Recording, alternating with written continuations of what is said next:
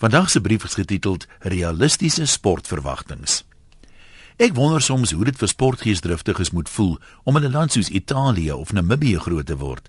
'n Land waar jy nie groot word met die verwagting dat jou span elke naweek moet wen nie. Al hoop jy so. In Suid-Afrika verwag ons mos die Springbokke of die Proteas moet elke wedstryd wen. En as hulle dit nie doen nie, vertel die ou ooms jou vinnige dag geen trots meer is nie. En hulle dae was harde manne bereid om te bloei tot die oorwinning behaal is en natuurlik sonder vergoeding. Dan gaan kyk jy na die statistiek en dan sien jy die span se wenpersentasie is deesdae darm hoër as toe hulle dis nou volgens die ou ondersteuners nooit verloor het nie. Stadions loop ook vinnig leeg. Selfs al het die Blou Bulle 'n halfeindstryd gespeel, het 'n kwart minder mense vanjaar die moeite gedoen om loftes toe te gaan. Daar was mos 'n tyd toe die Blou Bull nooit van die vloer af geëet het nie en net uit die beker gedrink het. En dit is tog die minimum vereiste of hoe. Ek is maar bly ek is nie 'n afrigter nie. Dit moet 'n mens stom onnoosel laat voel dat elke ou met 'n bierpens en 'n neusring meer van die spel af weet as jy. Die feit dat die manne maar taamlik wisselvallig is en daar soveel veranderlik is, is maak dit nog moeiliker.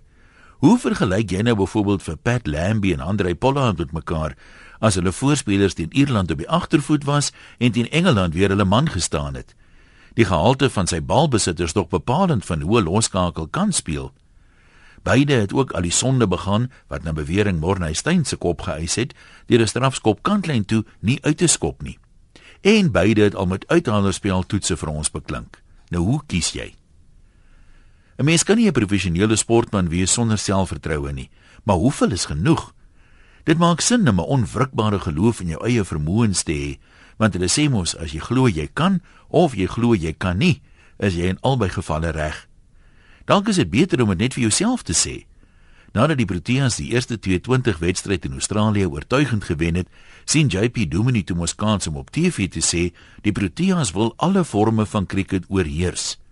Maar na eendag reeks nederlaag van 1 gewen en 4 verloor, wens hy seker hy dit liewer net gewens.